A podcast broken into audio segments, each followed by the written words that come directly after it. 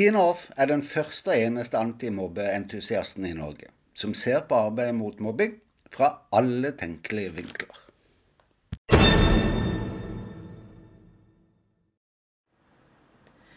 Hver dag opplever barn og unge mobbing.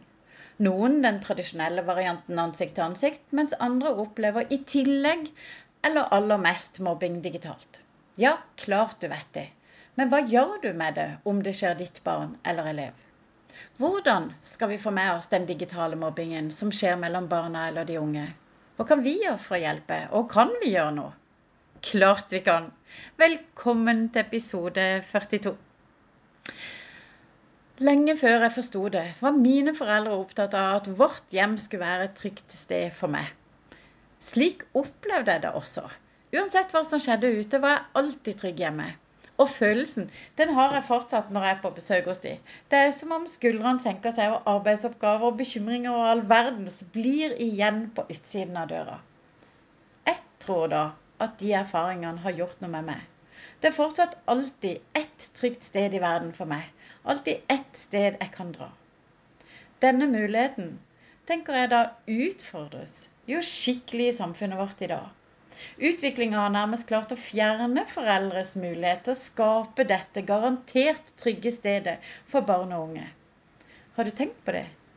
Ja da, det er foreldrene som velger når sine barn skal få ha mobil. Og det er utrolig kjekt å kunne nå sitt barn når og hvor som helst. Men vi må kanskje være klar over at det kan ha en voldsom pris for barna. I hvert fall når vi snakker om mobbing. Mobilen blir jo med hjem, inn i leiligheten eller huset. Bryter skillet mellom det offentlige og private rommet for barnet. Og kan bli altomfattende. Barnet slipper aldri unna. Digital mobbing har også flere mekanismer, og de tenkte jeg vi kunne snakke litt om her. Sosiale medier, som du vet veldig godt, drives jo av det spektakulære for å fange vår interesse. De gjør også mobbing digitalt. Hvis du tenker deg sladrekjerringa, da, så er det altså noe sensasjonelt som deles til noen utvalgte. Og trenger slettes ikke å være sant. Noen er innafor, mens andre ekskluderes, altså.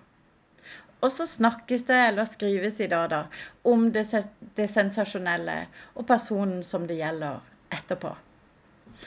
Omtalen får ofte betydning for de innafor og deres syn på den eller de utafor. En annen ting er at mobbing, mobbingen tar alltid utgangspunkt i en skolesituasjon, finner forskning. Det syns jeg er litt spennende. En annen ting er at det som skjer offline, har betydning for det som skjer online. Et eksempel kan være da at elevene på skolen har blitt enige seg imellom og ikke like det ett av barna eh, legger ut. Eller de kan ha skapt et kodeord. Altså f.eks. hvis det står ordet 'trening' i en eh, melding eller i et innlegg, så skal den ikke deles med eleven Tine. Bare for å gjøre det superenkelt, at det ikke skal være noen andres navn enn mitt. Et annet punkt er altså da for barn som utsettes for mobbing, kan mobbingen for oss voksne lenge gå under radaren. Vi får det ikke med oss.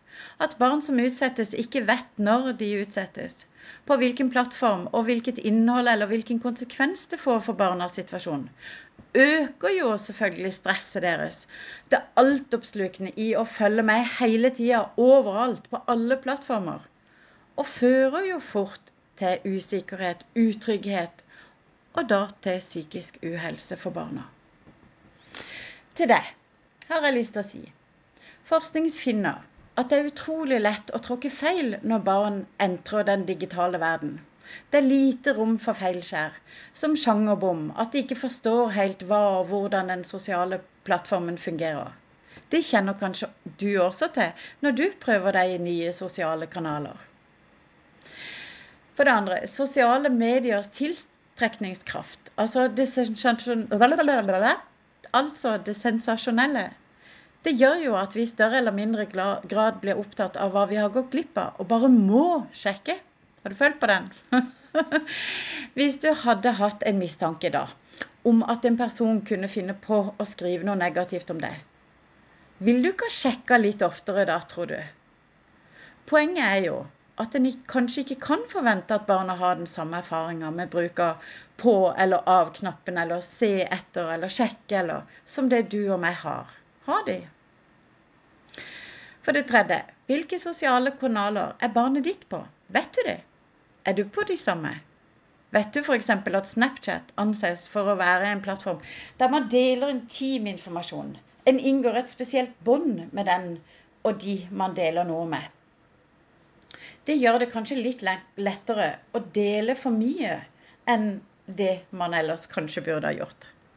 Forskning viser i hvert fall at barns beslutning om de skal sende noe eller ikke, det er basert på barnets vurdering av fordeler ved å sende. Og da er dessverre den kortvarige fordelen som vinner fram. Her og nå, altså. Eksempler på dette er utfordringene vi har sett i, med bildedeling av private kroppsdeler eller aktiviteter. Det utfordrende er jo når det sosiale båndet brytes. At det tas skjermbilde av det ditt barn f.eks. har sendt til noen andre. Hvilken kontroll har barnet på at bildet ikke deles videre? At det legges til tekst, piler, figurer, og så deles videre. At det deles med alle du vet, du vet hvordan de sier. Av barn og unge som har blitt såra på nett, finner vi eller finner forskning at søk på ordet selvskade har økt med over 130% Både for de som har vært utsatt for mobbing, og de som har utøvd mobbing. Det kan være kjekt å vite. Nesten ingen barn eller unge sier fra til læreren. Og foreldre oppleves ikke som en konstruktiv ressurs. Altså vi voksne oppleves ikke å kunne være til hjelp. Og gjør vi med det? Lærere, hva i klassekulturen gjør at elevene kan lage avtaler om å ikke skrive likes på kun én elevs statusoppdateringer? Tenker du ofte på det? Foreldre, vi er visst ikke bekymra for at barna våre mobber andre. Det finner forskninga. Er det vår blindsone? Og hvis vi blir fortalt at vårt barn utøver mobbing mot andre, f.eks. digitalt, finner forskning at foreldre altfor ofte bagatelliserer eller trivialiserer det som har skjedd. Har vi ikke en jobb å gjøre her? Nei, nå har jeg brukt nok av din tid. Ville bare så gjerne ta med noen av de mekanismene som er i sving, som vi kanskje ikke tenker så mye på før dagens tips kommer. Men nå kommer de. For det første, skap inkluderende kultur. Det miljøet som skapes offline, i direkte samhandling som romslig og raust, inkluderende og trygt, det vil jo ha betydning online. Vær gode rollemodeller online og ved mobilbruk. Jeg har f.eks. hatt hikken når det gjelder mobil ved middagsbordet. Uansett alder, voksen, barn spiller ingen rolle. Den skal bare vekk når vi spiser middag. Jeg hadde lenge mobilslutt for barn på et tidspunkt på kvelden. Og da de var veldig unge, var heller ikke mobilen med inn på soverommet om natta. Men det er min, mine valg. Du velger det som er rett for deg og ditt barn. Øv på handlingsalternativer. Jeg tenker på om de i det hele tatt vet at de har alternativer til å oppfylle f.eks. en venns forespørsel om å sladre på noe skriftlig, sende et nakenbilde eller hva enn det måtte være for noe. Vet barnet hvordan de sletter meldinger, tar skjermbilder, lagrer, og hva det er lurt å spare på? Flere tips har jeg jo snakka om i skal vi se, episode eh, Det er de ferieepisodene. Jeg lurer på om det er 35 og 36. Hvis du er interessert, så kan du gå og sjekke de ut. Balansere mellom retten til å kunne og ansvar som ligger i det å dele ting digitalt. I tillegg det at det er barnets kortsiktige fordeler som avgjør hva barnet velger å dele gjør jo også at vi kanskje bør bli enda tydeligere på hva som er innafor, og hva som ikke burde deles. Og hva vi ikke deler. Og bruk søsken, eldre elever og deres erfaringer i opplæringa i gåstein. Poenget er at vi, du og meg, ikke har den tilliten som jevnaldrende har på det teknologiske området. Og så kan vi være uenige eller enige i det. Til forskjell fra mobbedefinisjonens krav om gjentatte ganger skjev maktfordeling mellom utøver og den utsatte, har én deling potensielt i seg for store og langvarige konsekvenser for enkeltbarnet når det skjer digitalt. Det er også langt lettere å ta igjen mot andre digitalt. F.eks. hvis man selv har vært utsatt for mobbing. Til slutt er det ikke snart tid for å løfte opp hvordan vi kan jobbe systematisk med digital mobbing. Altså sånn helt konkret, både for lærere og foreldre.